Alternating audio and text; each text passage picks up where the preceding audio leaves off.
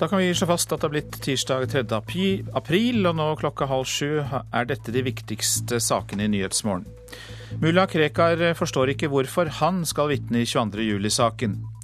Sykehusstyrene har for mye makt. De folkevalgte må få mer innflytelse over helseregionene, mener SV-leder Audun Lysbakken.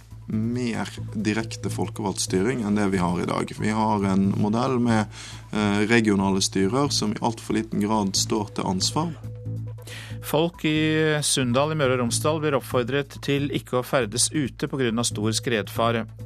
Mannen som drepte sju personer på en kristen privatskole i USA, hadde selv vært elev ved skolen. Og vi skal til Svalbard museum, som er blitt en stor suksess, også for de små. En isbjørn som tar en fisk. Oi! Oi, dere ser! Det er en hai. Det er en hval. Ja. Her i studio, Øystein Heggen. Mulla Krekar er skeptisk til å stille som vitne i 22.07-saken, men han kommer til å møte i retten dersom han blir innkalt, sier hans advokat Brynjar Meling. I går ble det klart at Krekar står på listen over folk som Behring Breivik ønsker som vitne, men Krekar forstår ikke hvorfor. Han vil forholde seg til en vitnestemning og stille i retten dersom eh, dette blir opprettholdt fra forsvarerens side. Og han vil svare på de spørsmålene han er pålagt, uten at han kan si at det i det hele tatt er relevant for vurderingene av Behring sin sak. Anders Behring Breivik ønsker å bli kjent tilregnelig. Den første sakkyndigrapporten erklærte ham utilregnelig. Forsvarerne vil føre vitner som kan belyse at enkelte miljøer kan være av samme oppfatning som tiltalte. Krekar ser ikke hvordan han kan være et relevant vitne i saken. Han ser på seg selv som en kurdisk eh, motstandsmann, hvor hans motstand bl.a. er tuftet på en islamistisk ideologi. Hva som er relevant for Behring Breivik, eh, det kan ikke han se. Professor i strafferett ved Universitetet i Oslo, Ståle Eskeland, forstår hvorfor Behring Breivik ønsker å føre vitner som Krekar og Fjordmann. Det eneste spørsmålet som er eh, viktig i denne saken, rettslig sett, det er om Behring Breivik skal anses som tilregnelig eller ikke. Og da forstår jeg godt Eh, at forsvarerne, eh, som da vil prosedere på at han er tilregnelig, fører den type vitner. Ved å bruke vitner som Krekar kan forsvarerne oppnå det de ønsker, tror Eskeland. Man kan belyse at eh, det finnes ekstreme miljøer som ledes av personer som ikke er utilregnelige, og som kunne tenke seg å begå, eller kanskje til og med har begått, samme type handlinger som Behring Breivik er tiltalt for. Professor i strafferett Ståle Eskeland til reporter Kjersti Havdal.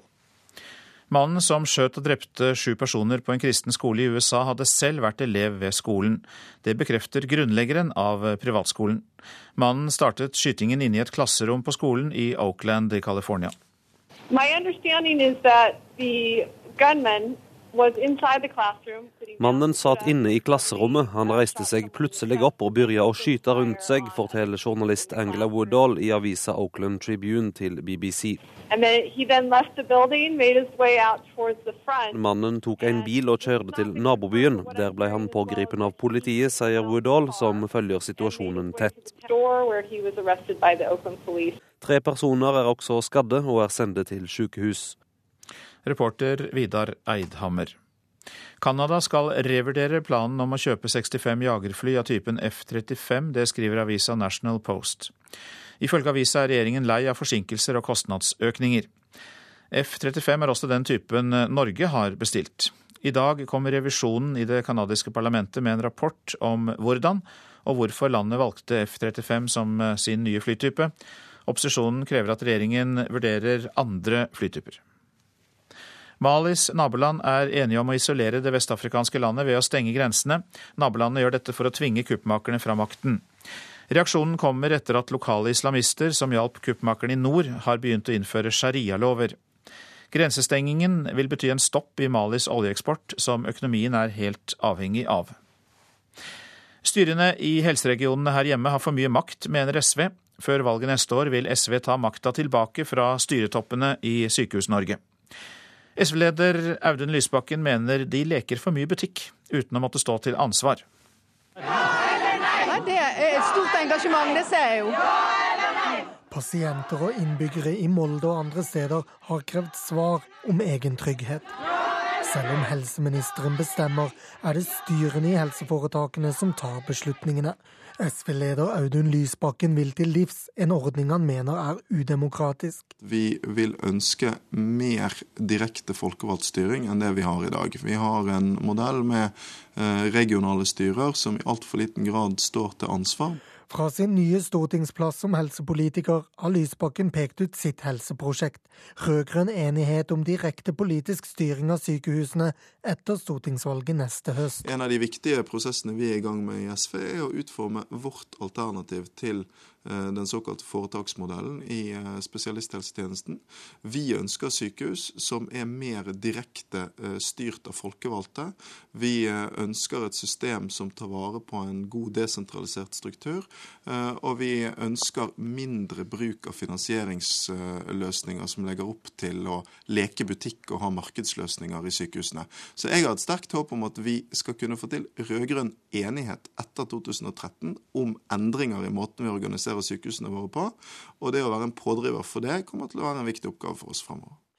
Du har sagt du skal bli flink til å bygge allianse med fagbevegelsen. Helseforetaksmodellen var noe LO var imot i utgangspunktet. Blir det dere og LO mot eh, helseministeren i denne saken allerede i valget neste år? Nei, jeg kommer til å være en god alliert eh, for helseministeren. Eh, vi står sammen om veldig mange viktige kamper for Helse-Norge. Samtidig så eh, har vi et veldig tydelig fellesskap med fagbevegelsen, både når det gjelder spørsmålet om foretaksmodellen, der vi i SV har en klar ambisjon om å endre den rød-grønne politikken etter hvert, men også i forhold til viktige spørsmål når det gjelder organiseringen av eldreomsorgen. Ansgar Gabrielsen er tidligere helseminister for Høyre, nå styremedlem i Helse Sør-Øst. Han mener helsesektoren ikke tåler ny totalomveltning. Det er ingen andre områder i samfunnet hvor det er så stort innslag av politikerstyring. Jeg tror det er en 250 styremedlemmer til sammen i helseforetakene som er eller har vært politikere. Dernest så er måten man styrer det på økonomisk veldig viktig, sånn som man gjør for så vidt i, i hele Europa, øh, og som vi gjør på mange andre områder Reporter Lars Nehru Sand. Og hele intervjuet med Audun Lysbakken kan du høre i Politisk kvarter om en drøy time eh, på denne kanalen. Beredskapsledelsen i Sunndal konkluderte i går kveld med at det ikke er nødvendig å evakuere innbyggerne pga. rasfare i kommunen. Mye snø og svært vanskelige forhold førte til en rekke ulykker på mange veier i Møre og Romsdal i går kveld. Operasjonsleder Harald Mæland ved Nordmøre og Romsdals politidistrikt ber bilistene om å bruke bil minst mulig stadig den samme oppfordringa til folk at uh, de må kjøre med fornuft uh, og huske på at de har dyreballast uansett hvem som er med i bilen. Alle som har førerkort, har jo førerkort for vinter og sommer. Så sånn rent faktisk så håndterer vi jo bilene. Men det er nå sånn da en gang at uh, hvis en ikke må, så kan en liksom godt holde seg hjemme. Hva med fjellet og begi seg ut på turer der nå? Vi skal ikke frata noen som er på påsketur noe som helst har glede med å gå i fjellet, vi. Men det som er viktig, er vel kanskje å snakke med erfarne fjellfolk og skaffe seg en oversikt over hvordan det er i eget område. Og hvis du er usikker på om det er sikkert, så lar det være å gå. Reporter Sissel Brunstad og rådmann Per Ove Dahl sier til Adresseavisen at folk bør holde seg innendørs dersom de ikke har et helt nødvendig ærend. Det var altså i Sunndal. Ni av eh, ti nordmenn er positive til mer dialog mellom folk fra forskjellige trossamfunn. Det viser en undersøkelse TNS Gallup eh, har gjort for Samarbeidsrådet for tros- og livssynssamfunn. Og daglig leder der i STL, det er eh, deg, Lise Tørnby. God morgen. God morgen. Ja, Hvor overraskende er disse tallene om dialogønsket for deg? Tallene er faktisk ganske overraskende også for oss som jobber i Samarbeidsrådet til daglig. Eh, men først og fremst så syns vi at tallene er veldig gledelige. Altså det at ni av ti nordmenn kan tenke seg, eh, eller er mer positive da, til mer dialog mellom folk som tilhører ulike tro- og livssynssamfunn, det er et veldig høyt tall. Eh, samtidig så har vi også registrert i Samarbeidsrådet en økt interesse for dialog generelt den siste tiden. Både nasjonalt og også lokalt av mennesker som ønsker å starte lokalt dialogarbeid. Så Sånn sett så bekrefter undersøkelsen en tendens vi synes å merke til Samarbeidsrådet. Men at det var så mange, det er både gledelig og overraskende. Samarbeidsrådet for tros- og livssynssamfunn er vel ikke noe folk hører om til daglig? Hva gjør dere? Vi er en organisasjon som jobber både politisk og dialogbasert. Det politiske handler om å sikre alle medlemmer av alle tro- og livssynssamfunn de like rettigheter i Norge. Det dialogiske handler om å skape økt forståelse og økt respekt mellom mennesker som tilhører ulike religioner og livssyn. Og I Norge så representerer Samarbeidsrådet den store bredden av religioner og livssyn.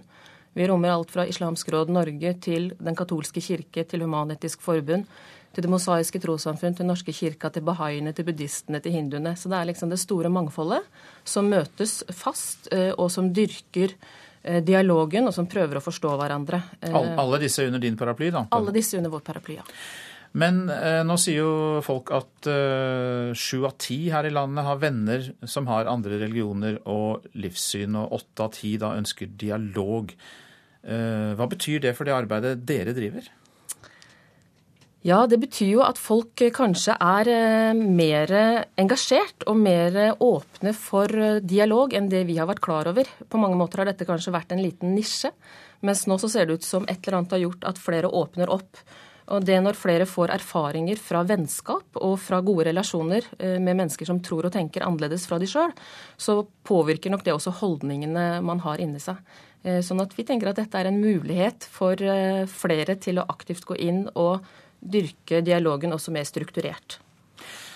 Ja, la oss teste ut dette på deg. at uh, Du sier jo her at det er eh, ting i nærmiljøet, ting rundt folk, som gjør at de eh, går for dialog, er interessert i dialog. Men samtidig så hører vi om mye konfrontasjon der oppe i mediene. Ja, og det var noe av det som gjorde det litt var overraskende for oss. For ofte så er media opptatt av det konfliktskapende element i det religiøse livet og det livssynsmessige livet. Eh, men kanskje er folk flest litt annerledes enn det politikerne og det media faktisk tror. Eh, og Norge er et mangfoldig samfunn, og det er veldig mange forskjellige religioner og livssyn i Norge. Sånn at når man da erfarer eh, å ha en venn som kanskje er hindu, mens du selv er humanetiker, så påvirkes holdningene, tror jeg, ganske mye. Og da får man et annet bilde enn det som media ofte skaper. Folk er ikke så ille likevel? Nei, jeg tror ikke det. Jeg tror mange har et stort ønske og et stort engasjement for spesielt sitt nærmiljø og sitt lokalmiljø. Og vi ser jo at folk nå ønsker å etablere lokale dialoggrupper rundt om i hele Norges land, og det er veldig positivt. Mange takk skal du ha, Lise Tørnby, som altså er daglig leder i STL, som står for Samarbeidsrådet for tros- og livssynssamfunn. Så skal jeg si litt om hva avisene skriver. Tyvene er skremt ut av Oslo, skriver Aftenposten. Antall innbrudd i hovedstaden har falt dramatisk på kort tid. 41% nedgang i antall innbrudd i leiligheter og 76 nedgang for eneboliger. Sekunder fra kollisjon er oppslaget i Adresseavisen. Seks dager etter at Hercules-flyet styrtet i en fjellvegg i Sverige, skal to norske F-16-fly fra Bodø og Ørland flystasjon ha vært nær ved å kollidere. Trondheim går tilbake til klasserom og bort fra såkalte baseskoler, skriver Klassekampen. I årevis har det blitt bygget åpne skoler i Norge, men nå kommer vegger og klasserom tilbake. Norske 17-åringer tar videregående i utlandet fordi norske skoler ikke er gode nok for studier ved eliteuniversitetene, skriver Dagens Næringsliv. Mer enn 1000 ungdommer tok videregående utdanning i utlandet i fjor. Annethvert asylmottak har vært brannrammet, viser en undersøkelse fra Norsk brannvernforening. Det er Nordlys som skriver dette i dag. Asylmottak er ofte i gamle, slitte bygninger, og mange beboere har begrenset kunnskap om brannsikkerhet under norske forhold, mener Direktoratet for samfunnssikkerhet og beredskap. Dropper helvete. Prestene forkynner heller himmelforventninger ved kisten, skriver Vårt Land. Doktorgrad viser at helvete er totalt fraværende i norske bisettelser. Bussene i Bergen står bom fast i bilkø, skriver Bergens Tidende. Oslo har en egen kollektivstrategi og 70 km med bussfelt, men det er ingen slik strategi i Bergen, og bare 7 km bussfelt. Vitnelista til massemorderen er skreddersydd for å bevise at terrorhandlingene 22.07 var politisk begrunnet og ikke en gal manns verk, skriver Dagsavisen. Men et av vitnene, bloggeren Fjordmann, mener at Breivik er mentalt forstyrret. Økologisk salgsfiasko, skriver Stavanger Aftenblad. Lav etterspørsel etter økologiske produkter fra Tine og Nortura. 30 millioner i tap. Norgesgruppen driver skremselspropaganda, er oppslaget i Nasjonen. Matvarekjeden skyver småbutikkene foran seg i kampen mot ny handelslov. Det sier direktør Randi Flesland i Forbrukerrådet.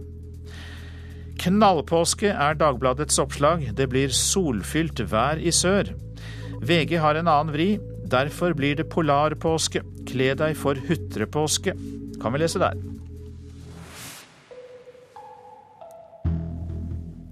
Fotball. For andre gang på rad spilte Ålesund 0-0 i årets eliteserie. I andre omgang mot Tromsø ble spissen Magnus Sylling Olsen bytta ut. Det likte han dårlig. Eh, det er aldri gøy å bli bytta ut, og jeg følte at det ikke var riktig Eller jeg ville ikke ut, rett og slett. Jeg vil spille resten av kampen. ÅFK-spiss Olsen sier også at han har lagt merke til alt styret som har vært rundt en eventuelt ny spiss til klubben. Det har vært ekstremt mye snakk. eh, Masse snakk om en eh, fantastisk målskårer. Men nå er jeg her og er tilgjengelig, så det er lov å satse på de man eh, har i klubben nå. FK-trener Kjetil Rekdal forstår godt at Magnus Sylling Olsen er misfornøyd med at han blir tatt av banen. Rekdal sier også at alt oppstyret som har vært rundt en eventuelt ny spiss, nok har blitt lagt merke til av de som allerede er i angrepsrekka. Det er klart at spillere som spiller i front, de er jo veldig nysgjerrige og veldig spent på hva som skjer. Eh, Men jeg har jo sagt til, og det sier igjen til spillergruppa mi, at vi skal spille så mange kamper i år at vi er nødt til å ha alle med, og at det alltid er bruk for alle. Sa ÅFK-trener Kjetil Rekdal til reporter, reporter Rune Hustad. Köln-trener Ståle Stolbakken kjemper mot nedrykk i tysk fotball. Flere nøkkelspillere er nå tilbake etter skade, og da har vi ikke lenger noe å skylde på, sier Solbakken. Vi har et tøft program igjen, og vi har vært eh, direkte dårlig eh, de to siste kampene. Gjennom hele sesongen har han stått oppreist foran tyske og norske journalister, og ikke minst misfornøyde Köln-supportere. Sirkus som er her, er noe større enn enn de vi konkurrerer mot. Da må vi klare å behandle det presset på en ok måte. Men det er akkurat det Køllen ikke har klart denne sesongen. Allikevel har flere fotballpersonligheter uttrykt sympati med Solbakkens utgangspunkt. Lite penger til å forsterke laget, og til tider et tosifret antall spillere på skadelisten. Jeg må jo innrømme at det er ikke noe sånn stort fotballag han har til rådighet heller. Du ser på det spillemateriellet. Sa landslagssjef Egil Olsen til NRK tidligere i år. For første gang denne sesongen råder Solbakken over en tilnærmet skadefri tropp, uten at det gjør han overentusiastisk. Vi hadde veldig mye problemer og like etter jul, og da var det noen kamper som du tenkte at dette er, er nesten umulig. Men de siste kampene så har vi hatt eh, tett på fullt lag. Det er vel det som har vært skuffende mest i de siste kampene. Så får vi se hva som skjer. Det var Köln-trener Ståle Solbakken til reporter Mats Håby. Du hører på Nyhetsmorgen, og nå er klokka i ferd med å bli 6.48. Dette er hovedsakene. Mulla Krekar forstår ikke hvorfor han skal vitne i 22. juli-saken. Sykehusstyrene har for mye makt. De folkevalgte må få mer innflytelse over helseregionene, mener SV-leder Audun Lysbakken. Og mannen som drepte sju personer på en kristen privatskole i USA, hadde selv vært elev ved skolen. Nå skal mannfolka inn i barnehagene. Det er målet for en nasjonal kampanje.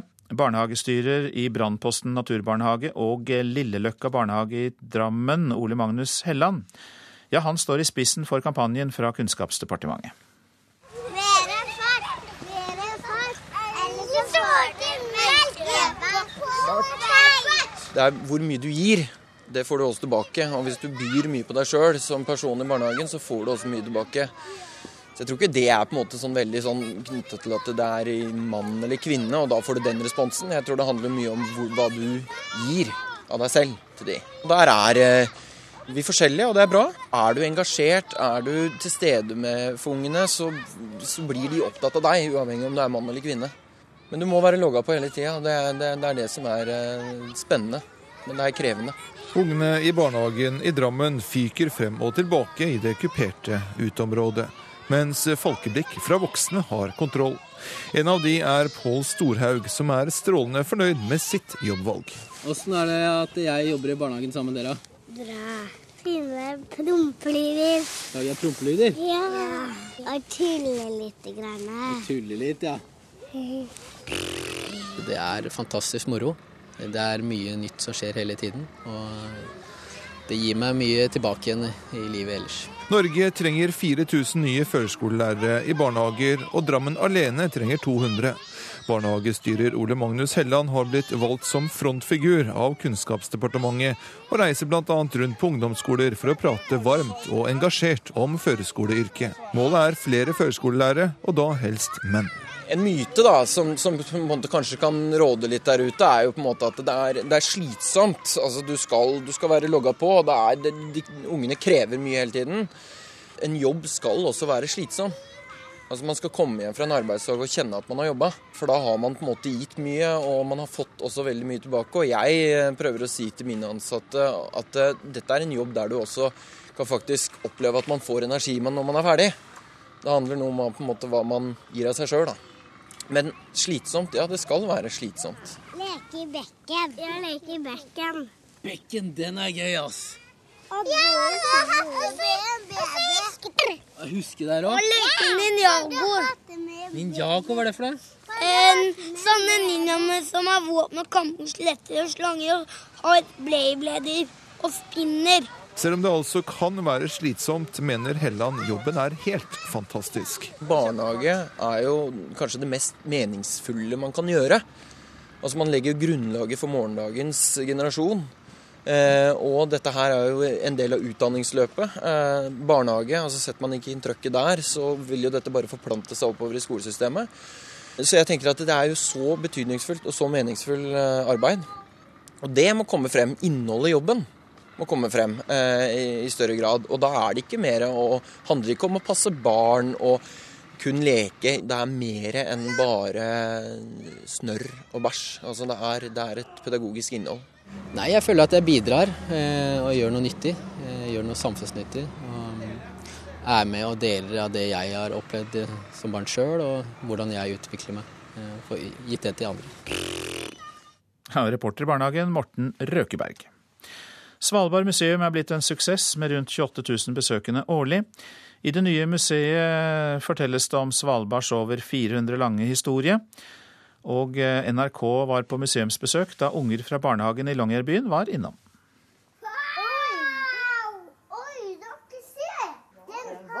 En hval. Ja. Som var kjempestor. Og så en unge sel. Ja, museumsdirektør Tora Hultgren. Ungene fra barnehagen de trives her. Ja, de trives her. Og um, de har det veldig interessant akkurat nå, for nå graver de frem ei, ei fiskeøgle som vi har uh, laga en kopi av og, og presentert i bakken. Så da får ungene leke arkeolog. Og her har dere jo både dyr utstoppa, her er eh, fra ei fangsthytte, og her er litt av hvert. Og hvordan har mottagelsen vært? Den har vært eh, strålende.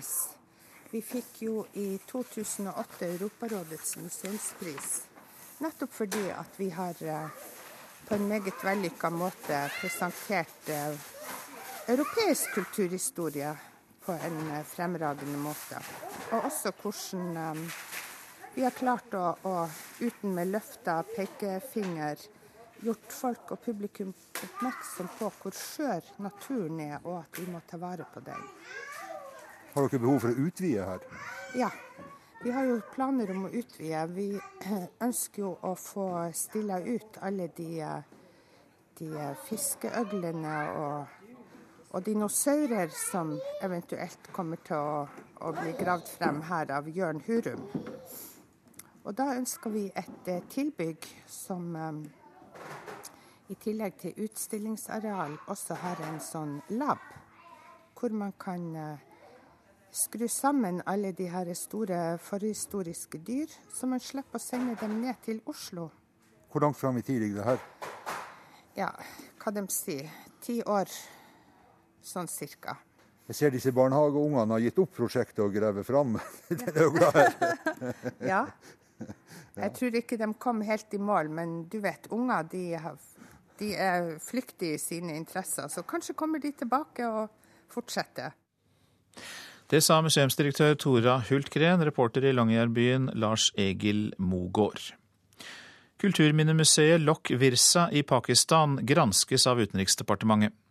Museet er et av Norges største bistandsprosjekter, men penger som skulle gått til konserter og utstillinger, kan ha blitt brukt til direktørens luksusvilla. Etter at NRK i høst stilte spørsmål, vil UD til bunns i saken. Når det blir dokumentert at penger er brukt i strid med forutsetningene, så vil vi kreve de midlene tilbakebetalt. Sier Arne Bjørnstad i Utenriksdepartementets kontrollenhet. De er i gang med å fullføre en granskning av økonomien til kulturminnemuseet Lok Virsa i Pakistan. Vi fikk en melding i september eh, hvor det var en del påstander som ble fremsatt om prosjektet. Som gjorde at vi følte behov for å se på det eh, og få avdekket om det var noe hold i disse påstandene. Granskingen, som er den første i sitt slag på kulturfeltet, kom i stand etter at først pakistanske medier og siden NRK begynte å stille spørsmål ved økonomien til prosjektet. Og noen måneder etter at den norske ambassaden i Pakistan undertegnet en ny avtale med museet, til en verdi av ni millioner kroner. Lokvirsa består av to museer, flere musikkscener og en kunstskole. Museet har de siste fem årene fått halvparten av sitt budsjett dekket av norske bistandspenger. I høst kom det påstander om at direktøren for museet brukte de norske bistandspengene på luksusbiler og villa. I had a suspicion that this program is uh, being hijacked to other objectives. Dette er museets tidligere direktør, Oksi Mufti, som har vært en pådriver i kritikken mot museet. Mufti mener at hans etterfølger har tatt penger som skulle brukes på bevaring av kulturminner, og brukt de på biler og villa. Dette har ført til en del kritiske artikler i pakistanske medier. Og de nye people who took over programmet, program and kom over. til min surprise, Vehicles were purchased. A lot of money was spent on buying vehicles. I don't have any problem with my accounts. Direktøren for Lokvirsa-museet, Khalid Javid, frykter ikke resultatet av granskingen.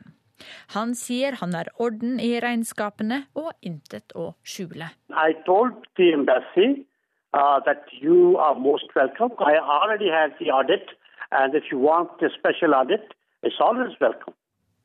Reporter Sofia Paskevitsj. Myndighetene i Aserbajdsjan har brukt til sammen 3 milliarder kroner på finalen i Melodi Grand Prix så langt. Blant annet skal landet ha brukt over 800 millioner kroner på den nye finalearenaen. Ny motorvei og andre bygg og anlegg har kostet nesten 900 millioner. Det er lokale medier i Aserbajdsjan som melder dette, og Aftenposten skriver om det i dag.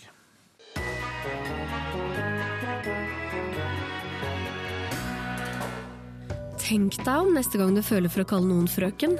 Mademoiselle er nå strøket fra fransk vokabular i deler av Frankrike.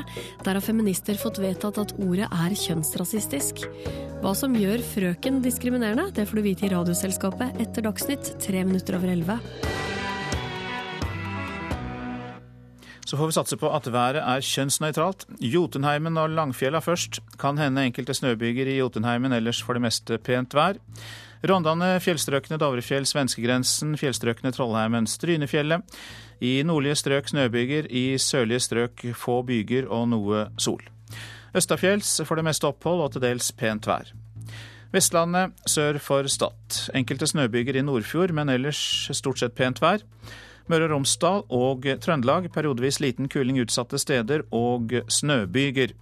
Helgeland og Saltfjellet, også snøbyger der, mest i kyststrøkene. Ellers kan det bli perioder med pent vær. Salten, Ofoten, Lofoten og Vesterålen. Snøbyger, men først på dagen blir det snø kun i Lofoten og Vesterålen. Og så blir det mer snø i resten av området etter hvert.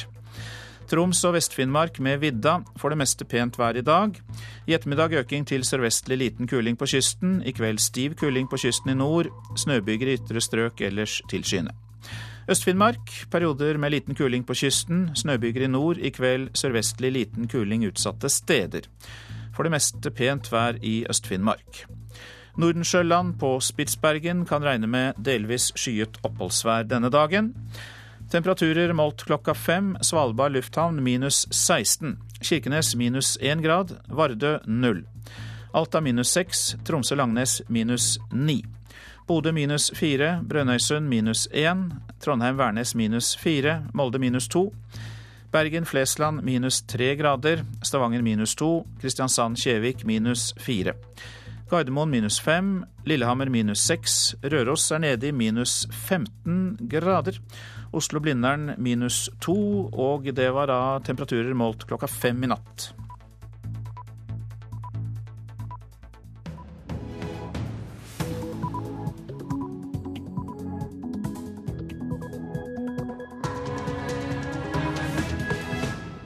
Klokka sju, du lytter til Nyhetsmorgen. Her i studio er Øystein Heggen i dag, og vi kan by på en nyhetsoppdatering.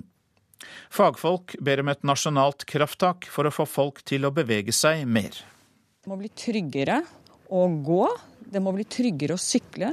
Vi ønsker også at det f.eks. blir færre parkeringsplasser, at det blir eh, kanskje dyrere å kjøre i rushtiden osv., slik at flere vil ta kollektivtrafikk. For vi vet at hvis flere bruker kollektivtrafikk, så fører det til økt aktivitet. Jorunn Sundgodt Borgen i Nasjonalt råd for fysisk aktivitet. SV-leder Audun Lysbakken vil ta makten fra sykehusstyrene.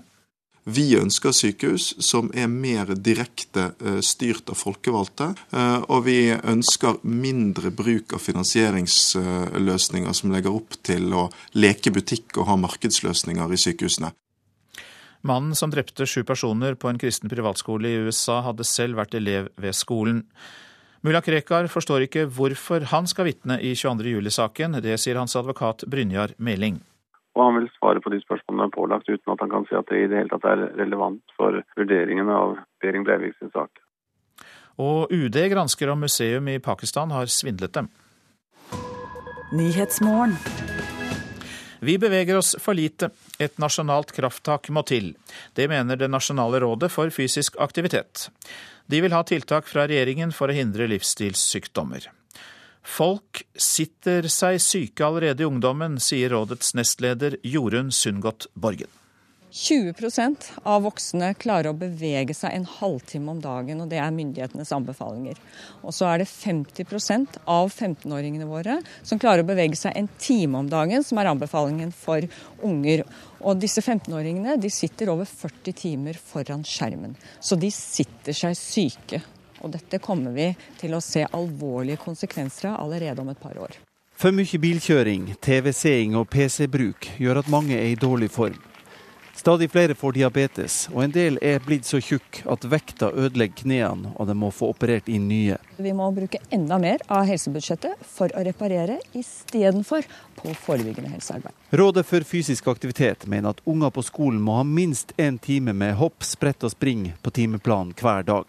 Det bør bli forbud mot unødig bilkjøring til skolen, færre parkeringsplasser og flere sykkelveier. I dag er bare to av ti voksne fysisk aktive den anbefalte halvtimen hver dag.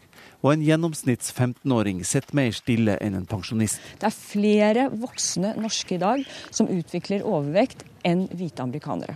Politisk rådgiver i Helse- og omsorgsdepartementet, Tord Dale, mener en ny folkehelselov fremmer fysisk aktivitet. Vi har også sagt at vi skal lansere en egen folkehelsestrategi, eh, der dette med å være fysisk aktiv vil, vil være en viktig del av det.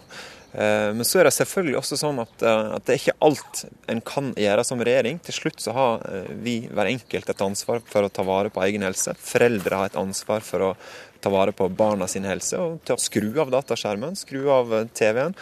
Ta barna med ut, leke, gå på tur og være i fysisk aktivitet. 68 år gamle Bjørn Granum la om stilen, og nå er han i bedre form enn han var for ti år siden. Jeg fikk et hjerteinfarkt for et år siden. Og etter det så har jeg trena jevnlig og godt og hardt. Prøver å la bilen stå. Så jeg prøver faktisk å bruke beina.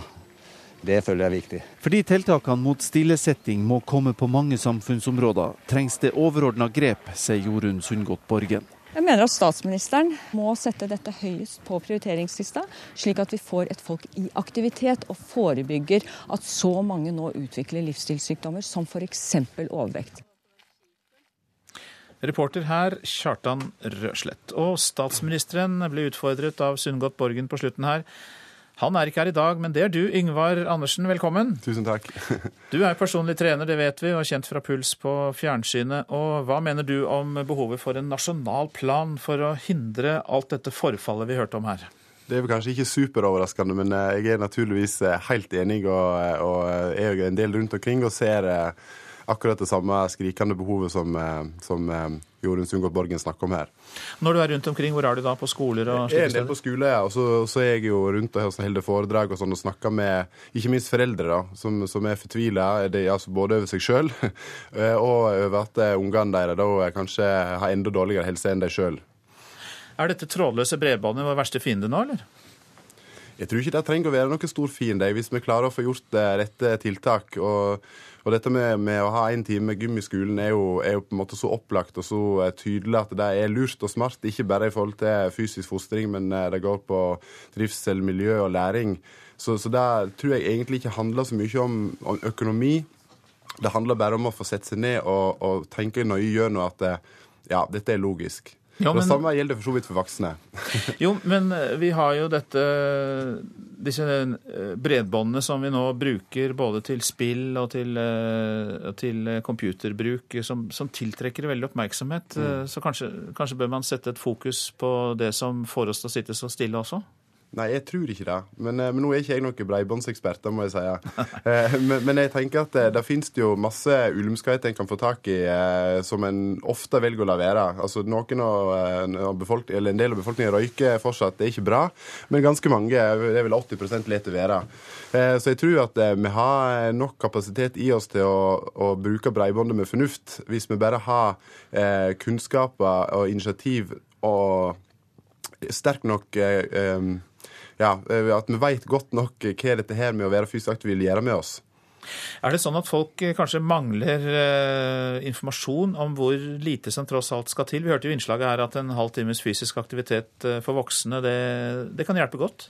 De kan hjelpe uendelig godt. Det kan være mer enn nok. det. Eh, problemet tror jeg med denne halvtimen, eh, som, som kan absolutt være nok, er at eh, jeg tror han er altfor generell. Eh, folk har ikke noe særlig følelse med hva eh, dette her er. Eh, de som trener masse, de bryr ikke seg om det. De, de ordner seg sjøl.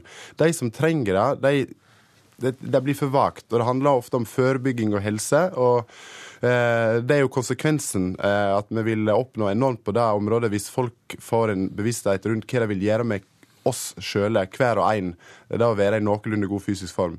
Så jeg har voldsomt tro på mer konkrete råd. Sånn skal du rett og slett gjøre det. Inntil det blir på en måte noe som en eh, får lyst til å finne mer ut av. Men eh, leger og andre kan kunne hatt rett og slett konkrete opplegg som en kan gi til pasienter, til andre, som, som trenger det. I den, det å bevege seg mer og så ete litt sunnere. Det er på en måte så opplagt, og det blir så vagt at det, de fleste de, eh, de går inn ett øre og ut eh, det neste. Jeg konkluderer med at det må bli mindre vagt og mer konkret, eh, Yngvar Andersen. Det er jeg helt enig i. ja. Hjertelig takk for at du eh, tok deg tid til å komme hit eh, på morgenkvisten. Men vi gir oss ikke helt eh, med det feite, for Storbritannia er nemlig det feiteste landet i Europa. Seks av ti voksne er overvektige, og en million briter er veldig overvektige, og barna blir tjukkere. I used to stand at the gate every morning, and it was shocking to see children coming in eating crisps and lollies and 9 a.m. in the morning. Rektor ved Ivedale barneskole i London ble sjokkert da hun hilste velkommen på morgenen.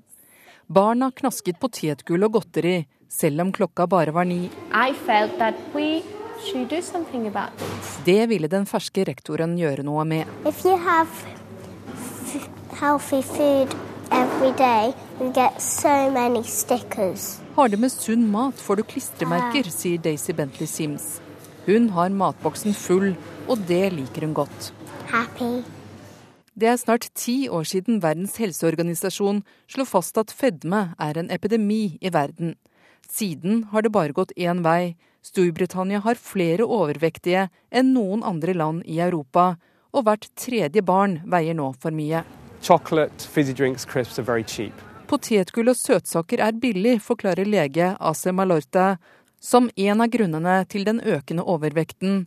Han mener det er på tide å innføre forbud mot søppelmat på skolen. So we have to help parents also by introducing legislation to ban junk food from schools. I think that's very important. På Ivedale har matvanene endret seg drastisk siden rektor Evelina Dimopolo begynte å belønne sunne matpakker, men det er ennå langt å gå. We are being realistic here. We know that we cannot change everyone's eating. Vi må være realistiske.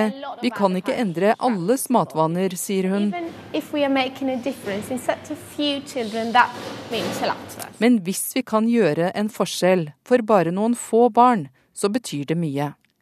Og Daisy er ikke i tvil om hvorfor sunn mat er viktig. Because then, um, then uh, you'll get stronger and you'll get bigger.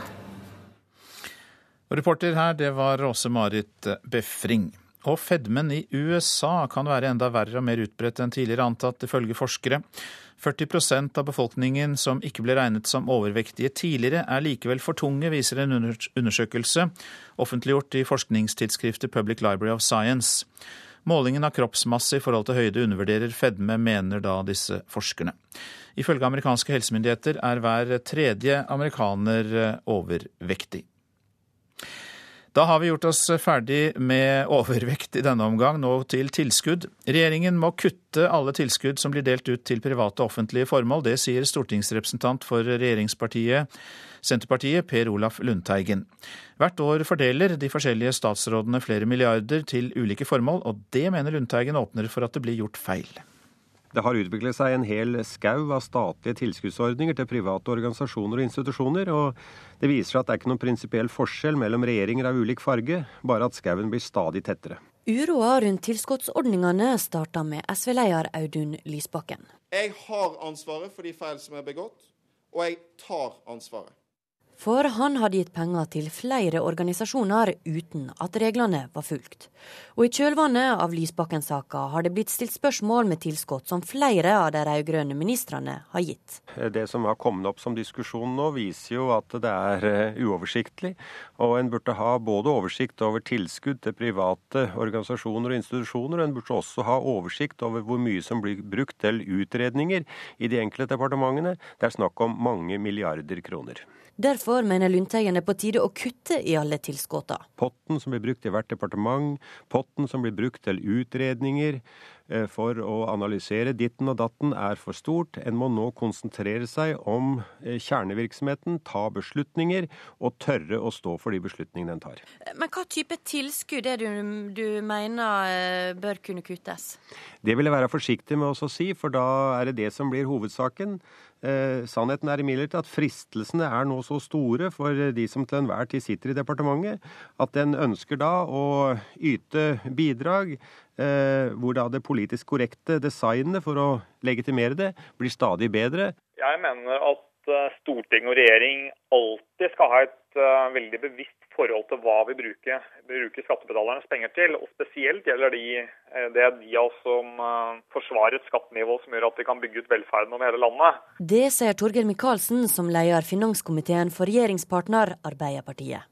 Så Det er vanskelig å være uenig i et slikt budskap på et overordna nivå, men før Lundteigen manner seg opp å si hvilke tilskuddsordninger vi ikke lenger skal ha, så blir nok denne debatten litt hypotetisk. Men ser du at mengden av tilskudd kan øke faren for eh, at man har eh, feil eh, utbetalinger? Jeg synes det er vanskelig å, å, å, mene om. Jeg mener det er riktig nå at Stortinget breit går gjennom de sakene der det er stilt spørsmålstegn. Og så må vi kunne ha en overordna debatt om hva vi ønsker å støtte, hvor mye vi ønsker å støtte. Men da må vi også manne oss opp til å peke på de støtteordningene vi har i dag, som ikke lenger skal være der. Og Det er som sagt alt fra barne- og ungdomsarbeid til eh, støtte til ulike interesseorganisasjoner. Reporter Siri Gjørts. Du lytter til Nyhetsmorgen, og klokka den går mot 7.14. Dette er hovedsaker. Vi er for late her til lands. Fagfolk ber om nasjonal dugnad for å få folk til å bevege seg mer. Og tiltakene må bli mer konkrete, sier Yngve Andersen fra Pulsredaksjonen. Han var nettopp her i Nyhetsmorgen. Sykehusstyrene har for mye makt. De folkevalgte må få mer innflytelse over helseregionene, mener SV-leder Audun Lysbakken. Og mannfolka skal inn i barnehagene. Det er målet for en nasjonal kampanje.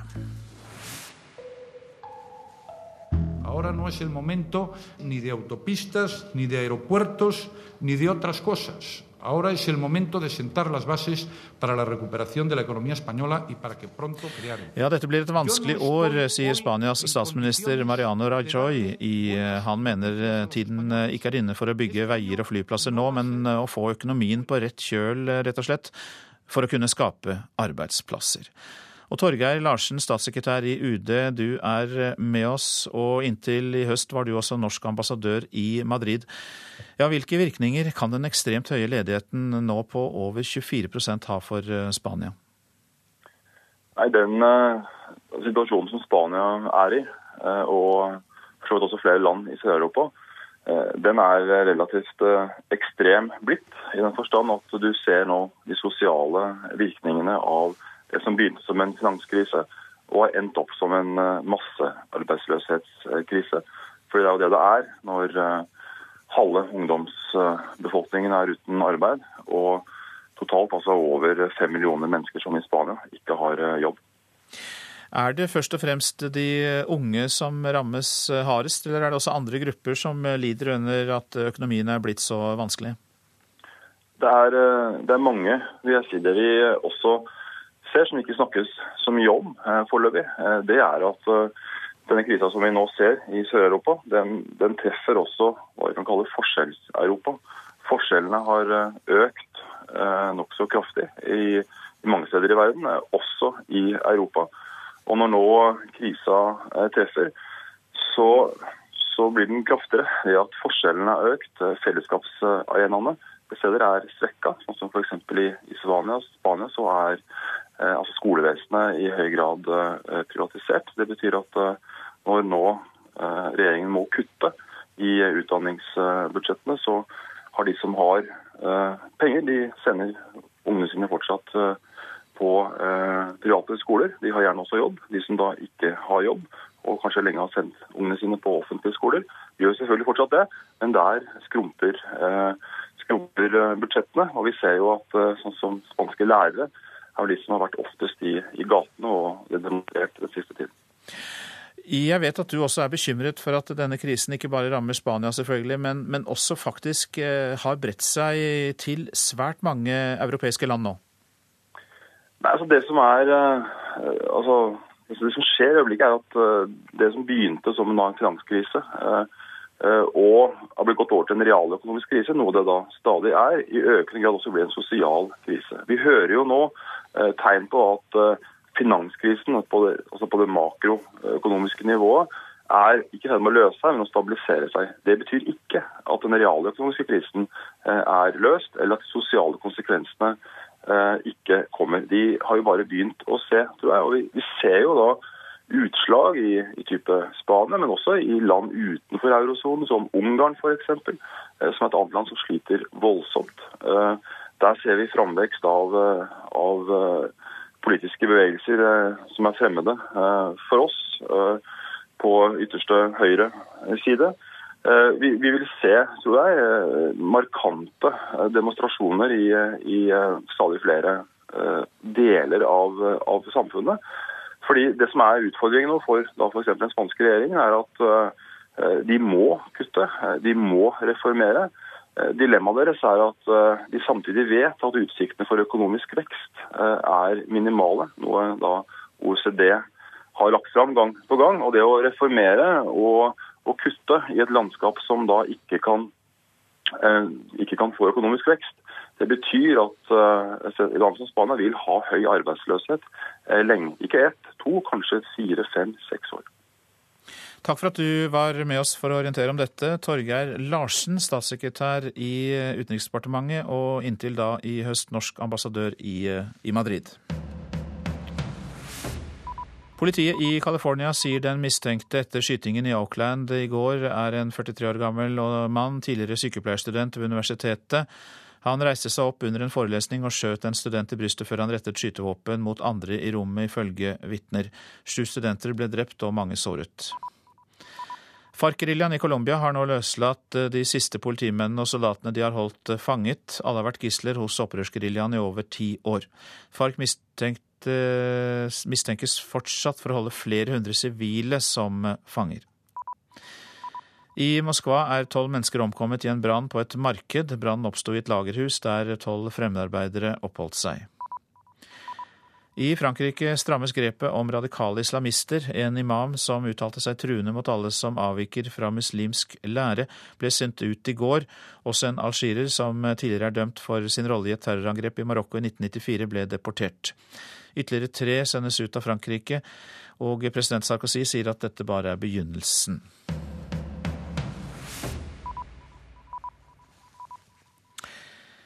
Til tross for mange meldinger om dårlige snøforhold og dårlig vær også mange steder hittil i påsken, så har Den norske turistforening registrert en økning på 5% i påsketrafikken sammenlignet med fjoråret. Og en av DNTs mest populære påskehytter er Haukeliseter fjellstue ved Europavei 134 på 1000 meters høyde midt mellom øst og vest, og turistvert Anders Sten Nessem. Hvordan er påskeværet akkurat nå? Nå er det altså helt utrolig vær. Det er eh, skyfritt, solen skinner på fjellene, og det er eh, minus ti grader og helt blikk stille. Helt fantastisk i dag. Nå hørtes det ut som en reklameplakat. Du lurer oss ikke nå, altså? Nei, det gjør jeg ikke. Jeg er ikke opptatt av å lure gjestene våre, men i dag er det altså helt fantastisk. Så dette stemmer. Hvor lenge holder snøen i, i, rundt der du holder til? Eh, selvfølgelig avhengig av eh, været, men eh, at det er ut april er ikke noe problem. Sånn som det ser ut nå, og gjerne litt ut i mai på de høyeste toppene her. Dere hadde rekordbesøk i palmehelga. og hva, hva, trekker folk til fjells? Hva forteller de til deg? Hvorfor drar de på besøk hos deg? Det ene er at vi ligger på et sted hvor det er fryktelig mye fin snø, som både sørover og nordover. Vi er et veldig godt utgangspunkt både for den klassiske turen Haukeliset til Pinse og flotte turer sørover. Så det er nok kombinasjonen og veldig bra vær også sist helg. Hvem er den typiske påskegjesten på Haukeliseter? Den typiske vil jeg vel si er de som ønsker å gå og selvfølgelig på, på, ski. Men vi har også de som bare er rundt fjellstua og leker. Enten det er familier, det kan være enslige, det kan være samboerpar, det er gifte. Så vi har egentlig alle slags, alle slags typer. Og det er jo det som er veldig hyggelig, da, at vi ikke bare har én gruppe som kommer hit. Hvordan er interessen blant utlendinger? Hos oss så vil jeg anta at vi ligger omtrent på en ja, så høyt som 95% norske eh, gjester. Så vi er ikke den fjellstua som har mest utenlandske turister. Hva, hva kan dere tilby da uten et sted å sove og et sted å spise? Det er akkurat denne påsken så er det et stort og godt påskeprogram. Både for voksne og for de mindre. Så i dag er det en felles skitur som går av stabelen klokken halv elleve. Og så er det uteaktiviteter for barn, og så er det igjen aktiviteter litt senere i kveld for barn og de minste. Takk skal du ha for at du var med i Nyhetsmorgen, turistvert Anders Sten Nessem på Haukeliseter fjellstue. Nå noen ord om avisenes forsider. Tyvene er skremt ut av Oslo, skriver Aftenposten. Antall innbrudd i hovedstaden har falt dramatisk på kort tid. 41% nedgang i antall innbrudd i leiligheter og 76% nedgang for eneboliger. Sekunder fra kollisjon er oppslaget i Adresseavisen. Seks dager etter at Hercules-flyet styrtet i en fjellvegg i Sverige, skal to norske F-16-fly fra Bodø og Ørland flystasjon ha vært nær ved å kollidere. Trondheim går tilbake til klasserom og bort fra såkalte baseskoler, skriver Klassekampen. I årevis er det blitt bygd åpne skoler i Norge, men nå kommer vegger og klasserom tilbake.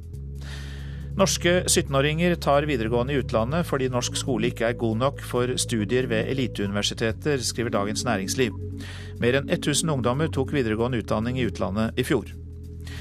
Annethvert asylmottak har vært brannrammet, viser en undersøkelse fra Norsk brannvernforening. Det er Nordlys som skriver dette. Asylmottak er ofte i gamle og slitte bygninger. Mange beboere har begrenset kunnskap om brannsikkerhet under norske forhold, mener Direktoratet for samfunnssikkerhet og beredskap. Dropper helvete. Prestene forkynner heller himmelforventninger ved kisten, skriver Vårt Land. Doktorgrad viser at helvete er totalt fraværende i norske bisettelser. Bussene i Bergen står bom fast i bilkø, skriver Bergens Tidende. Oslo har en egen kollektivstrategi og 70 km med bussfelt, men det er ingen eh, strategi for kollektivtrafikk i Bergen, og bare 7 km egne bussfelt. Vitnelista til massemorderen er skreddersydd for å bevise at terrorhandlingene 22.07 var politisk begrunnet og ikke en gal manns verk, skriver Dagsavisen. Men eh, et av de innkalte vitnene, bloggeren Fjordmann, mener at Breivik er mentalt forstyrret. Økologisk salgsfiasko, skriver Stavanger Aftenblad. Lav etterspørsel etter økologiske produkter fra Tine Nortura har gitt 30 millioner kroner i tap. Norgesgruppen driver skremselspropaganda, er oppslaget i Nasjonen. Matvarekjeden skyver småbutikkene foran seg i kampen mot ny handelslov, sier direktør Randi Flesland i Forbrukerrådet. Knallpåske er Dagbladets førstesideoppslag. Det blir solfylt vær i sør, skriver avisa. VG har en annen vri. Derfor blir det polarpåske. Kle deg for en hutrepåske, kan vi lese der.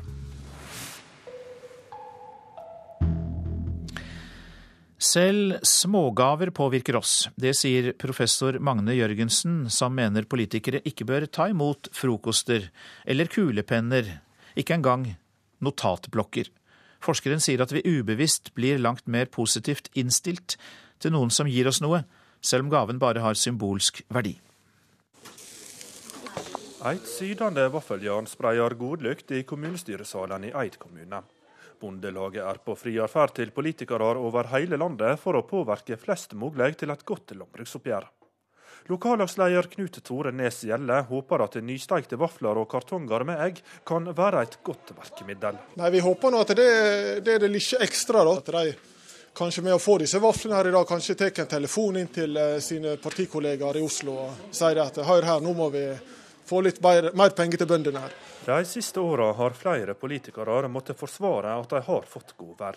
Liv Signe Navarsete fikk armbånd, Anne Grete Strøm Eriksen og Jonas Gahr Støre måtte levere tilbake kostbare tepper. Utdeling av smågaver har derimot etter lova ikke nødvendigvis blitt sett på som korrupsjon. Men forskning viser at dette også kan påvirke makthaverne. Professor Magne Jørgensen ved Universitetet i Oslo har forska mye på psykologi, og mener politikerne ikke bør ta imot sjøl små gaver. Jeg tror eneste løsningen er å slutte med mye av det, og også at man kjenner litt til forskningen og til seg sjøl, at man er påvirket ofte uten å merke det. Jørgensen sier vi er naive om vi ikke tror at det vi får gratis påvirker oss, sjøl om verdien er liten. Og Små gaver omfatter av middager og kulepenner og blokker osv. osv. Ja, hvordan blir vi påvirka? Det kan ligge noe i selve gavens natur, at eh, det ligger en slags eh, følelse av at man bør yte noe igjen. Og Det ligger gjerne underbevisst. Det er det som er noe av problemet med saken her. at Hadde vi lagt merke til nøyaktig hvordan vi bestemte oss for noe, så ville det kanskje kunnet unngått. studiene som er gjort, viser at det finnes ikke noe laveste grense for hva som påvirker. Og også smågaver kan påvirke ganske mye. Ja, nå forsyner vi vafler. Tilbake på kommunestyremøtet i Eid let venstrepolitiker Vebjørn Moa seg freiste av nysteikte vafler. De så jo veldig delikate og sikkert smaker veldig godt. Men lokalpolitikeren mener han sjøl ikke let seg påvirke. Jeg tror nok at vi blir like nøytrale og like greie for det. I disse tider har bøndene storaksjon over hele landet, og enkelte får mer oppdekning enn andre. Fylkesvaraordfører i Sogn og Fjordane, Jenny Følling, fikk sammen med resten av fylkesutvalget påspandert full frokost da de møtte Bondelaget. Jeg syns det er helt uproblematisk å, å møtes over enk, et enkelt måltid, altså rundstykke og kaffe, for å både få informasjon om eh, hva som er problemstillingene, og snakke med folk. For den viktigste jobben vi gjør som politikere, det er faktisk å snakke med folk.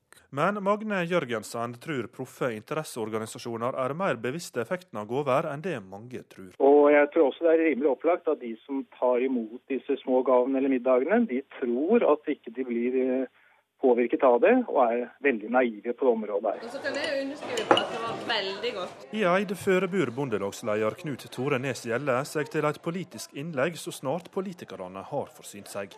Han håper at sjarmoffensiven vil vise att senere i år. Det, det, får vi nå se nå, da, når uh, vi får lagt fram årets uh, tilbud fra staten om at det har hjulpet dette her.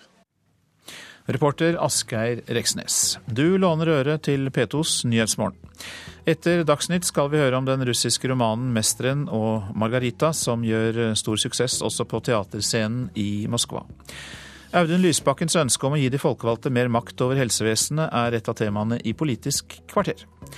Produsent for Nyhetsmorgen i dag, Jean Erik Bjørnskaug. Her i studio, Øystein Heggen.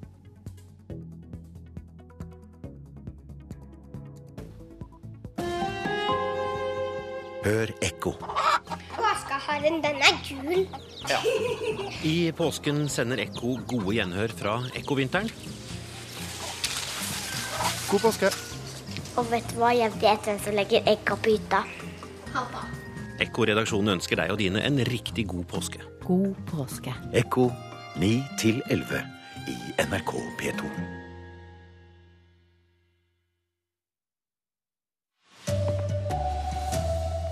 Fagfolk ber om nasjonal dugnad for å få folk til å bevege seg mer.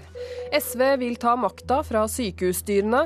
Mulla Krekar er skeptisk til å vitne i 22. juli-saken, men stiller hvis han må. Her er NRK Dagsnytt klokka 7.30.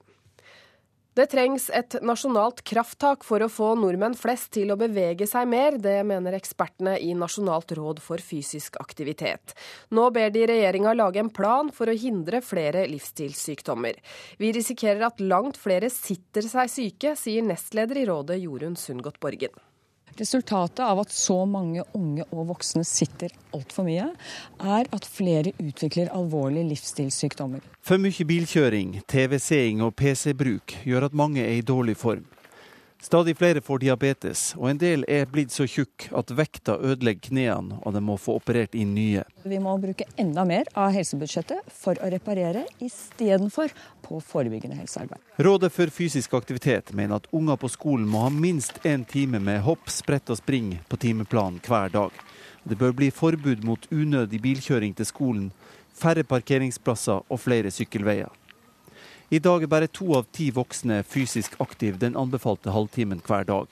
Og en gjennomsnitts 15-åring sitter mer stille enn en pensjonist. Det er flere voksne norske i dag som utvikler overvekt enn hvite amerikanere.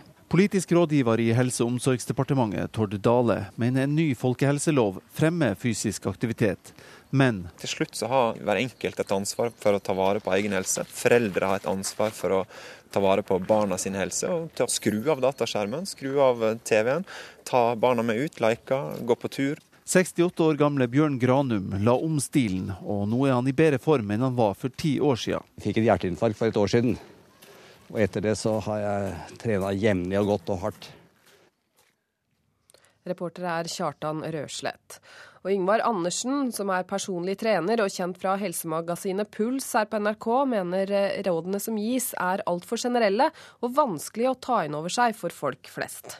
Så jeg har voldsomt tro på mer konkrete råd. Sånn skal du rett og slett gjøre det. Inntil det blir på en måte noe som en får lyst til å finne mer ut av. Men leger og andre kan kunne hatt rett og slett konkrete opplegg som en kan gi til pasienter, til andre, som, som trenger det. Den, det å bevege seg mer og så ete litt sunnere. De er på en måte så opplagt, og det blir så vagt at det, de fleste de, de går inn ett øre og ut det neste.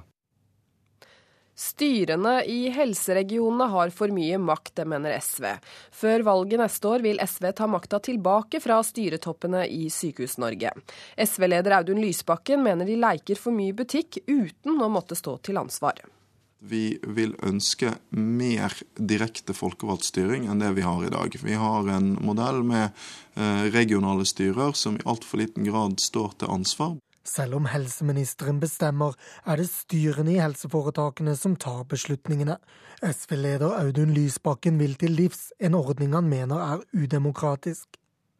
Fra sin nye stortingsplass som helsepolitiker har Lysbakken pekt ut sitt helseprosjekt, rød-grønn enighet om direkte politisk styring av sykehusene etter stortingsvalget neste høst. Vi ønsker et system som tar vare på en god desentralisert struktur, og vi ønsker mindre bruk av finansieringsløsninger som legger opp til å leke butikk og ha markedsløsninger i sykehusene. Ansgar Gabrielsen er tidligere helseminister for Høyre, nå styremedlem i Helse Sør-Øst. Det er ingen andre områder i samfunnet hvor det er så stort innslag av politikerstyring. Jeg tror det er en 250 styremedlemmer til sammen i helseforetakene som er eller har vært politikere. Dernest så er måten man styrer det på økonomisk veldig viktig, sånn som man gjør for så vidt i, i hele Europa, eh, og som vi gjør på mange andre områder. Og hele intervjuet med Audun Lysbakken kan du høre i Politisk kvarter klokka kvart på åtte i P2. Og reporter, det var Lars Nehru Sand. Forsvaret ser alvorlig på at to F-16-fly fra Bodø og Ørlandet holdt på å kollidere under øvelsen Cold Response i mars. Det sier kommunikasjonssjef ved Forsvarets operative hovedkvarter, Jon Espen Lien.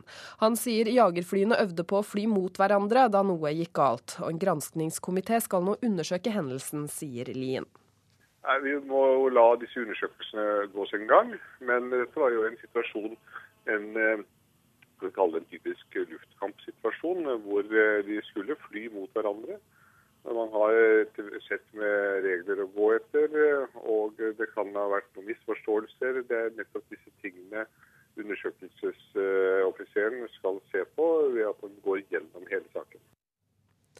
Mulla Mulla Krekar er skeptisk til å stille som vitne i 22.07-saken, men han kommer til å møte i retten dersom han blir innkalt. Det sier advokat Brynjar Meling. I går ble det klart at Krekar sto på lista over folk som Behring Breivik ønsker skal vitne, men Krekar forstår ikke hvordan han kan være aktuell, aktuell som vitne i 22.07-saken. Han vil forholde seg til en vitnesstevning og stille i retten dersom uh, dette blir opprettholdt fra forsvarerens side. Og han vil svare på de spørsmålene er pålagt, uten at han kan si at det i det hele tatt er relevant for vurderingene av Behring Breivik sin sak. Anders Behring Breivik ønsker å bli kjent tilregnelig. Den første sakkyndigrapporten erklærte ham utilregnelig. Forsvarerne vil føre vitner som kan belyse at enkelte miljøer kan være av samme oppfatning som tiltalte. Krekar ser ikke hvordan han kan være et relevant vitne i saken. Han ser på seg selv som en kurdisk eh, motstandsmann, hvor hans eh, motstand bl.a. er tuftet på en islamistisk ideologi. Hva som er relevant for Behring Breivik, det kan ikke han se. Professor i strafferett ved Universitetet i Oslo, Ståle Eskeland, forstår hvorfor Behring Breivik ønsker å føre vitner som Krekar og Fjordmann. Det eneste spørsmålet som er eh, viktig i denne saken, rettslig sett, det er om Behring Breivik skal anses som uh, tilregnelig eller ikke. Og da forstår jeg godt at forsvarerne, som da vil prosedere på at han er tilregnelig, fører den type vitner.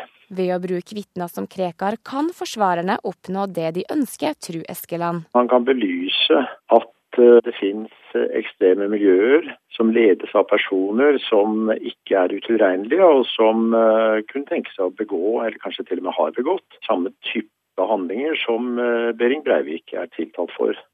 Reporter Kjersti Havdal. Utenriksdepartementet skal granske mulig korrupsjon i et kulturprosjekt i Pakistan.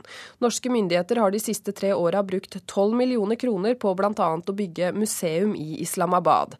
Nå skal UD granske anklager om at pengene kan ha blitt brukt på luksusvilla og biler til direktøren for Kulturminnemuseet. Direktøren i Pakistan sier at regnskapet er uten feil og mangler.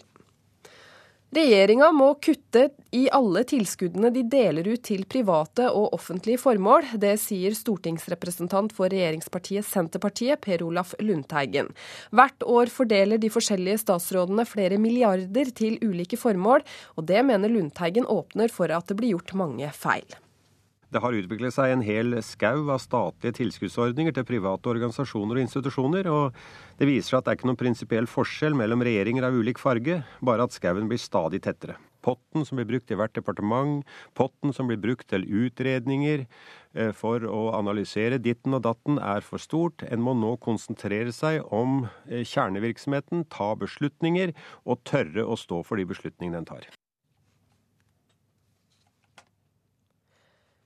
Ålesund-trener Kjetil Rekdal håper å få måldømming i fotball til Norge så fort som mulig.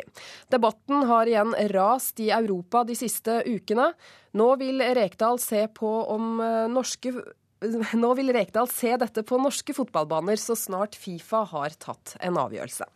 Når det blir mål som blir godkjent som ikke skal være godkjent, som er så banalt som det, så sier seg sjøl at det, det, burde være Debatten rundt videoteknologi på målstreken har igjen rast både i Norge og andre nasjoner de siste ukene. Søndag fikk Haugesund godkjent en skåring mot Molde, selv om ballen aldri var inne. Og Dommeren har dømt mål til ville protester! I England så ikke linjemannen at ballen var inne, da Queens Park Rangers tapte for Bolten. Vi syns at det er en mer objektiv måte å se om ballen er over mållinja eller ikke. Sa en positiv dommersjef Rune Pedersen til NRK i går. Til tross for at 0-0-kampen mot Tromsø ble gjennomført uten de store dommertabbene, vil Ålesund-trener Kjetil Rekdal ha måldømming så fort som mulig. Måldømming bør iallfall være på alerten ganske snart. Det blir, det blir for ofte fotballkamper blir avgjort, eller kan bli avgjort på sånne detaljer som er feil. Reporter Mats Håby. Oslofolk setter pris på sin egen by. Hele ni av ti innbyggere i hovedstaden synes det er attraktivt å bo her. Det viser en fersk meningsmåling fra Respons Analyse, som er gjort på bestilling fra Oslo Høyre. Ansvarlig for denne sendinga var Sven Gullvåg, teknisk ansvarlig Frode Thorshaug. I studio Kari Bekken Larsen.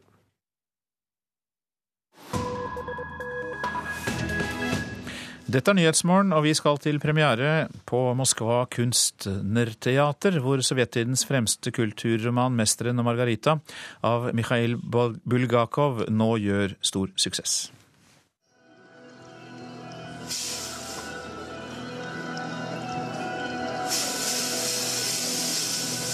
Mikhail Bulgakov skrev 'Mesteren og Margarita' i 1936, men romanen hans ble først utgitt i 1968.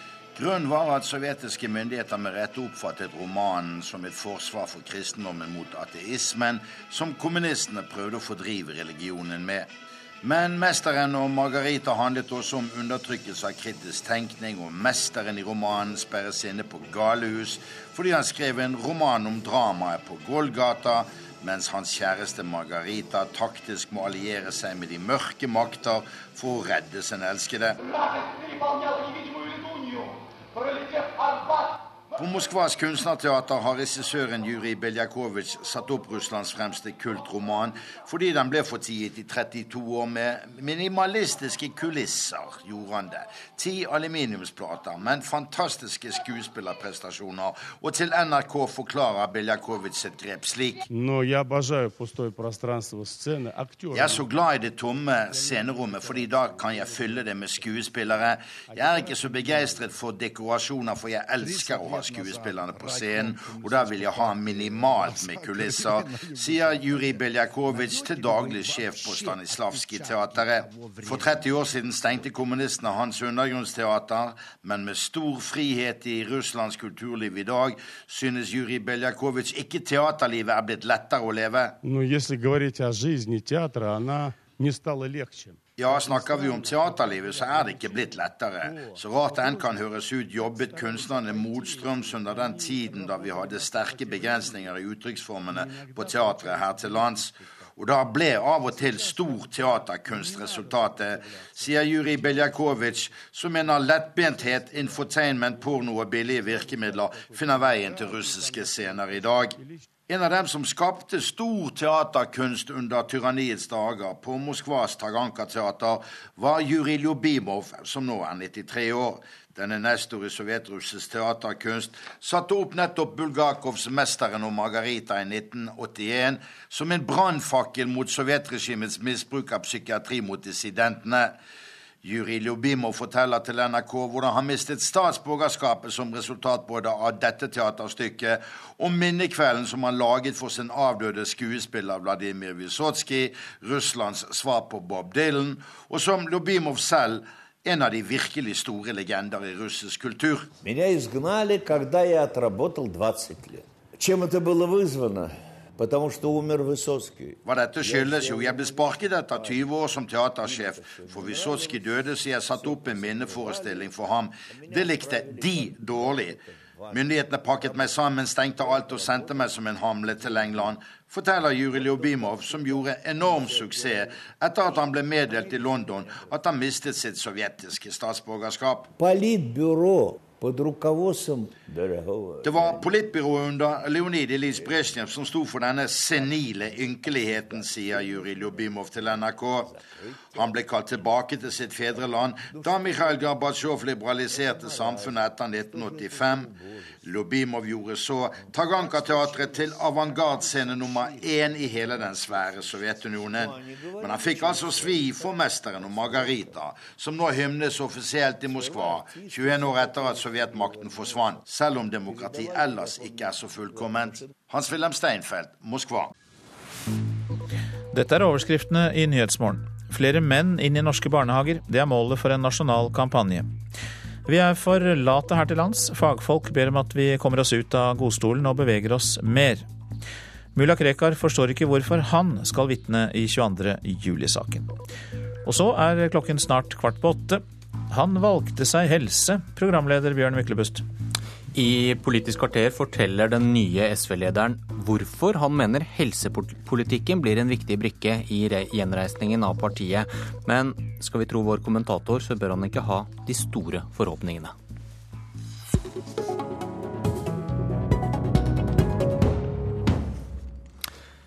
Audun Lysbakken har selv valgt seg helsepolitikken som utgangspunkt for stortingstilværelsen og sitt politiske prosjekt fremover. Her er hans forklaring. Det er fordi eh, kampen om velferdsstaten eh, de neste årene i stor grad kommer til å stå i helse- og omsorgssektoren. Det er hvorvidt vi klarer å lage helse- og omsorgstjenester i offentlig regi som er så gode eh, at folk ikke istedenfor vil eh, søke seg til private helseforsikringer, private kommersielle løsninger, som vil avgjøre om vi klarer å beholde en solidarisk velferdsmodell, eller får en modell der det mer og mer blir folks egen lommebok som er avgjørende. Men hvorfor har mange private helseforsikringer i dag, da? Det er jo sånn at Vi lever i et land der eh, flere og flere av oss har eh, god råd. Eh, mange vil ha råd til å betale for private alternativer hvis de opplever at det offentlige tilbudet ikke er godt nok.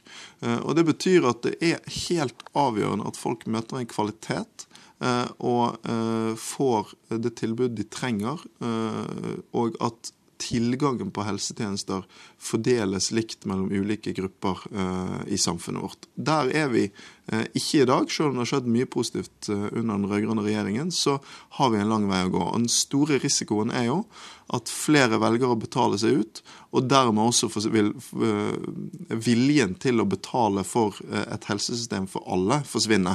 Taperne da vil være de som ikke har råd til å betale for gode private løsninger. Men du kan ikke forby private helseforsikringer? Nei, det er ikke målet heller. Målet er å gjøre kommersielle løsninger unødvendig eh, og gjøre ineffektive løsninger overflødig. Eh, og for mye private forsikringer og kommersielle innslag det er både samfunnsøkonomisk lite effektivt, og det er ikke eh, noe bra hvis målet er et samfunn der helsevesenet bidrar til rettferdighet og utjevning. Hva er skillelinjene mellom SVs helsepolitikk og Arbeiderpartiets helsepolitikk? Altså For det første så har vi mange viktige kamper å kjempe sammen mot uh, høyresiden, mot kommersialisering av helse- og omsorgssektoren. Men det er også saker som eh, skiller oss, og det er et klart og tydelig rom også til venstre for Arbeiderpartiet i, i, helsepolitikken. En av de viktige prosessene vi er i gang med i SV, er å utforme vårt alternativ til Eh, den såkalte foretaksmodellen i eh, spesialisthelsetjenesten. Vi ønsker sykehus som er mer direkte eh, styrt av folkevalgte. Vi ønsker et system som tar vare på en god desentralisert struktur. Og vi ønsker mindre bruk av finansieringsløsninger som legger opp til å leke butikk og ha markedsløsninger i sykehusene. Så jeg har et sterkt håp om at vi skal kunne få til rød-grønn enighet etter 2013 om endringer i måten vi organiserer organisere sykehusene våre på. Og det å være en pådriver for det kommer til å være en viktig oppgave for oss fremover. Du har sagt du skal bli flink til å bygge allianse med fagbevegelsen. Helseforetaksmodellen var noe LO var imot i utgangspunktet. Blir det dere og LO mot eh, helseministeren i denne saken allerede i valget neste år? Nei, jeg kommer til å være en god alliert eh, for helseministeren. Eh, vi står sammen om veldig mange viktige kamper for Helse-Norge. Samtidig så eh, har vi et veldig tydelig fellesskap med fagbevegelsen. Både når det gjelder spørsmålet om foretaksmodellen, der vi i SV har en klar ambisjon om å endre den rød-grønne politikken etter hvert, men også i forhold til viktige spørsmål når det gjelder organiseringen av eldreomsorgen, der vi trenger å kjempe mot de mange høyrestyrte kommunene som dessverre ikke ikke tar på alvor det store potensialet det er for å modernisere og forbedre eldreomsorgen ved å tenke nytt om arbeidsliv. Hvis vi hadde sørget for at alle de små stillingene som er rundt om på sykehjem og hjemmetjenester hadde blitt lagt sammen til større stillinger, hvis vi hadde fått ned vikarbruken, så hadde mange oppdaget at det å investere penger i de ansatte både ville bety å spare penger på sikt, og ikke minst gi et mye bedre og stabil og trygg omsorg for de eldre. Hva blir SVs alternativ til dagens helseregioner? Vi har satt ned et utvalg som nå skal uh, lage helt konkrete forslag til modeller. Men uh, noen ting føler jeg meg rimelig trygg på. Det ene er at vi vil ønske mer direkte folkevalgt styring enn det vi har i dag. Vi har en modell med uh, regionale styrer som i altfor liten grad står til ansvar både for politikere og folk i de regionene der de skal styre. Og vi har også et Eh, finansieringssystem i sykehusene som vi mener legger opp til for mye liksom-butikk, for mye markedsprinsipper og for lite eh, eh, av den fleksibiliteten og behovsstyringen som vi, vi trenger. Så både mer folkevalgt styring og et finansieringssystem som kan skape mindre byråkrati og i større grad gjøre at pengene følger behovene, er viktig for oss. Det er stor motstand mot eh, helseregionene også i Høyre og Frp. Er det ikke litt rart for deg som ny SV-leder å skulle ha de som allierte? Det er jeg helt sikker på at jeg ikke kommer til å ha. Fordi eh, det er innenfor det rød-grønne samarbeidet vi kan få til eh, endringer. Det har nå gått mange år siden sykehusreformen. Det er naturlig at vi tar diskusjoner om framtidig organisering. Men du må se 6-7-tallet på valgresultatet neste år på vei dit så er vel de hvitkledde i offentlig sektor en nyttig hjelper, hvis du klarer å overbevise dem. Så SV er det mest konsekvente partiet i kampen mot privatisering og kommersialisering. Vi er det partiet som tydeligst har kritisert eh, byråkratisering av offentlig sektor, som er mot at Eh, de ansatte skal få for lite tid til å gjøre oppgavene sine, som er mot at eh, folk som jobber i eldreomsorgen skal måtte konkurrere om sine egne arbeidsplasser. Vi stoler på de som jobber der. I likhet med de eldre, som sier at de har i alle undersøkelser stor tillit til de ansatte, men liten tillit til systemene i eldreomsorgen. Det vi trenger, er å endre systemer der de ikke er gode nok. Alt dette eh, må du da gjøre ikke fra regjeringskvartalet, men fra et litt uferdig sånn kontor her på Stortinget? Ja, det, nå er det Vi er litt i flytte, flyttestriden her ennå. Men det, det, vet du hva, det ser jeg veldig fram til. fordi at uh, det er også en mulighet for meg til å få deltatt i debatter jeg ikke har deltatt i før til å få kommet eh, mer ut. Eh, jeg skal ikke minst eh, besøke mange mennesker i, i Helse-Norge. Det ser jeg veldig fram til. Og så er det sånn at for oss så skal vi gjøre en god jobb både i regjering og utenfor regjering. Slåss for de sakene vi er opptatt av, og forandre Norge skritt for skritt. Det har jeg tenkt å fortsette med. Så ryktes det at du skal Du har brukt mye tid på SV de siste ukene. Eh, det ryktes at du må bruke påsken til å finne navn til ditt barn? Ja, det er riktig. Vi, har, eh, vi skal prøve å finne eh, navn til min sønn, som har ikke fått navn ennå. Så det er en viktig oppgave for påsken. Så jeg skal tenke mer på det på politikk. Har først selvforsvarssaken, så regjeringsposisjonen din, så kabalen, ledervalget, alt dette tatt så mye tid? Altså Det har skjedd en del ting de siste par månedene jeg gjerne skulle vært uh, foruten. Men uh, jeg føler også at vi som parti uh, står godt rustet for det som ligger foran oss. Det er ingen tvil om at målingene er for dårlige. Det er ingen tvil om at vi har en tillit vi skal gjenvinne hos folk. Men jeg har tenkt å gjøre det på den eneste måten vi kan, nemlig gjennom ærlig og redelig jobbing. Og stå på for de verdiene og sakene vi tror på. Og de tror jeg det er langt flere enn de som nå slutter opp om oss på målingene, som deler. Norsk helsedebatt har prega gjentatte valgkamper, og det handler ofte om politikere som slår, seg, slår hverandre i hodet med bevilgningstall. Blir også neste valgkamp en kamp om å bevilge mer penger, eller å bruke pengene annerledes? Vi trenger en debatt om hvordan vi kan endre systemene innenfor helse og omsorg. Jeg tror ikke det først og fremst er mer penger som løser problemene. Det er selvfølgelig alltid bra med mer penger til gode formål, men eh, når det gjelder både eldreomsorgen og sykehusene, eh, så trenger vi eh, en diskusjon om hvordan vi kan organisere ting på en bedre måte. Jeg er helt sikker på at det finnes mer effektive måter å organisere oss på enn den modellen vi nå har for sykehusene, den såkalte foretaksmodellen. Og jeg tror det er enormt mye å hente på bedre grunnbemanning, eh, mindre bruk av små stillinger, mindre vikarbruk i eldreomsorgen, som faktisk kunne lønne seg hvis man turte å gjøre de investeringene. Det å ruste opp den offentlige velferdsstaten til det nivået du vil ha den på, blir ikke så dyrt at det du egentlig sier, er at du må øke skattene ganske fort? Så SV er for at vi skal ha handlefrihet i skattepolitikken. Når folk blir rikere, så kan det være klokt at også det offentlige får muligheten til å holde tritt. Men det er ikke sånn at hovedsvaret på utfordringene i helse og omsorg er mer penger. Hovedsvaret er svært ofte bedre organisering for å få mer ut av uh, alle de ressursene vi allerede har. Eh, derfor så eh, kommer noe av det viktigste for meg til å være å dra i gang debatter om hvordan vi skal organisere sykehusene fremover. Hvordan vi skal få bukt med for mye markedstenkning i helsevesenet vårt. Og hvordan vi skal få bukt med et arbeidsliv i deler av offentlig sektor som gjør at folk eh, jobber ufrivillig deltid, små stillinger, vikarbruken er for høy. Det mener jeg er hovedutfordringene nå. Det var Audun Lysbakken i samtale med reporter Lars Nehru Sand. Politisk kommentator i NRK, Magnus Takvam. Hvorfor velger Lysbakken helsepolitikken? Det er et ledd i det man kaller fornyelse. Eh, vi har sett at eh, de har skiftet ut mannskap i regjering eh, i den sammenheng for å få et generasjonsskifte utad, nye frontfigurer. Og også at partiet mener at på den krisen partiet er inne i nå når det gjelder oppslutning blant velgerne, krever eh, også en fornyelse i måten de profilerer seg på. Det holder ikke lenger bare å snakke om miljø og skole. og Derfor tror jeg man også vil prøve å liksom framstå som et nytt parti med nye satsingsområder. Det er en del av forklaringen.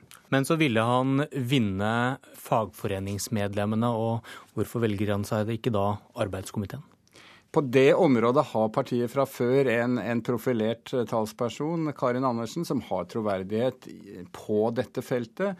Og da var det mer naturlig for, for, den nye lederen å velge seg ut det brede området i velferdsstaten, altså helse- og omsorgspolitikken, skolere seg på det, kunne være med i debatter, profilere seg og partiet på det området.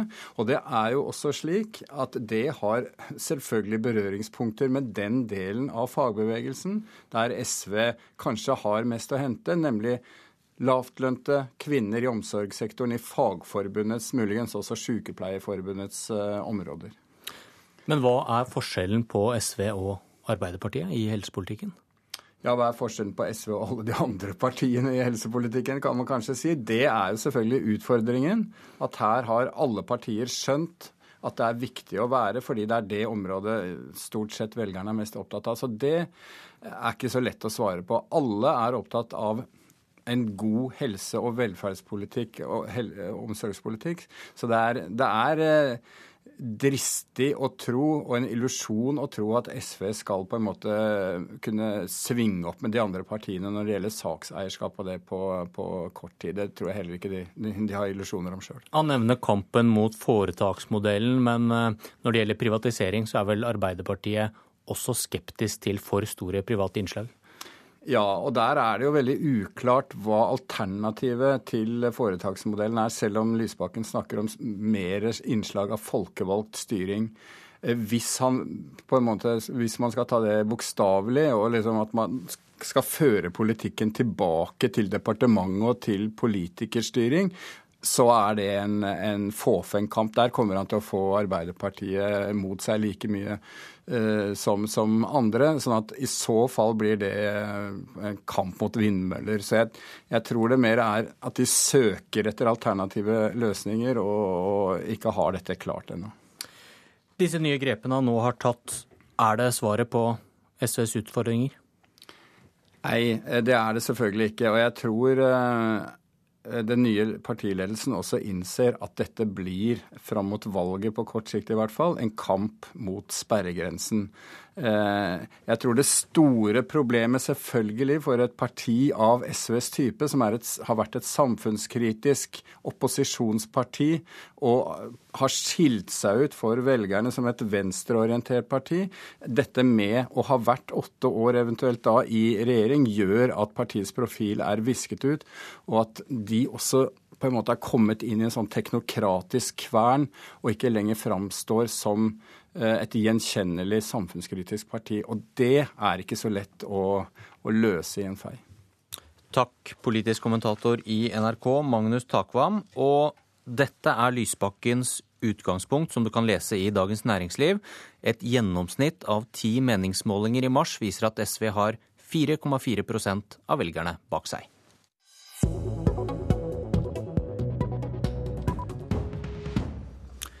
Politisk kvarter i dag var ved Bjørn Myklebust.